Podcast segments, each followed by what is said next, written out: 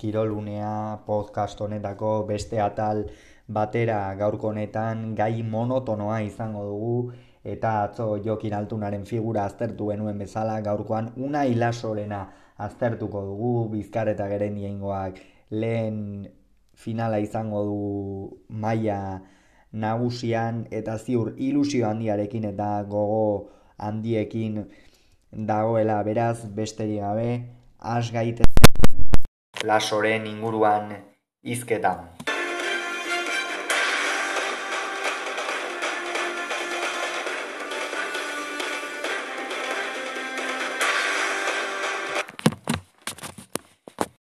Unai laso lehengo udaran berritzuli zen profesionaletara, gogoratuko gu 2000 eta amaseian egin zuela debuta, bizkar eta geren pilotariak, eta bertan asegartzen presan lau urte eman zituela, baina ondoren pandemia tarteko kontratua amaitzen zitzaion eta enpresak etzion kontraturik berritu. Garai oso nahasiak izan ziren oso deklarazio horrak egin zituen unailasok baikoren inguruan diktadura bat zela esatera ere iritsi zen eta ia esan oso giro nahasia izan zen, izan ere bai bera eta baita John Mariezkurrena ere ez zituzten eh, berritu garai hartan goi mailan zeuden bi pilotari eta demostratu dutenak itzuli direnean profesionaletan egon behar dutela. Beti ere pilotari handiak baitira eta merezi dutela duen lekuan egotea bestalde esan behar dago Unai lasok hogeita bost partida jokatu zituela afizionatuetan eta hogeita bostak irabazi zituela. Beraz hor ere zuen aurkaririk aurkitu eta zentzuzkoena azkenerako gertatu zen. Profesional mailara itzuli zen lauterdiko San Fermin torneoan eta hor finalera iritsi zen. Ikeragari izan zen unai lasok egin zuena une horretan.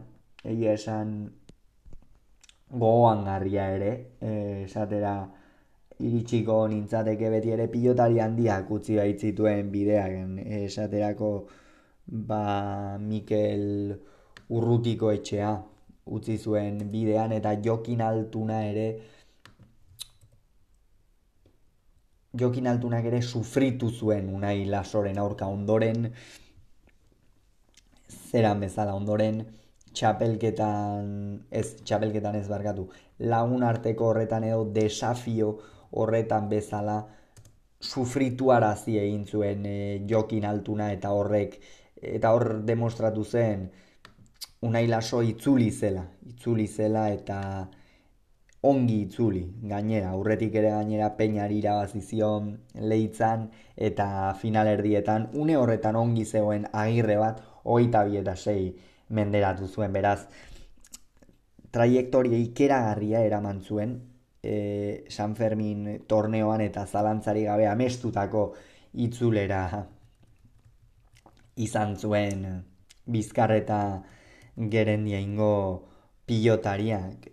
Amestutako itzulera hau zergaitik egin zuen alde batetik anoski go estrarekin itzuliko zelako, baina bestaldetik ere nik uste beste pentsamendu batekin eta agian esango nuke presio handiri gabe itzuli zelako bere maila eman zuela. Izan ere aurretik binakako txapelketan maila handia eman zuen gogoratuko dugu bere azken partida munduko gauza ilogikoena izan zen, baina bere azken partida olaizola eta arangurenen aurka Bilboko Bizkaia pilotalekuan izan zela, pandemia aurreko azken binakako txapelketako partida hori eta hortikan aurrera urrengoan e, binakako txapelketa itzuli zenean agirrek jokatu zuela lasoren ordez bada lasori etziotelako kontraturik berritu eta orain ordea jokatu dituen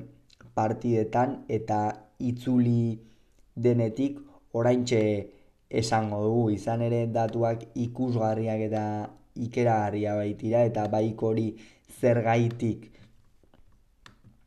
utzi zuen e, kontraturi gabe utzi zuen esateko modukoak. Izan ere profesionaletara itzuli zenetik erne emeretzi partida jokatu haitzituen barkatu amalau irabazi eta bost besterik ez zituen galdu.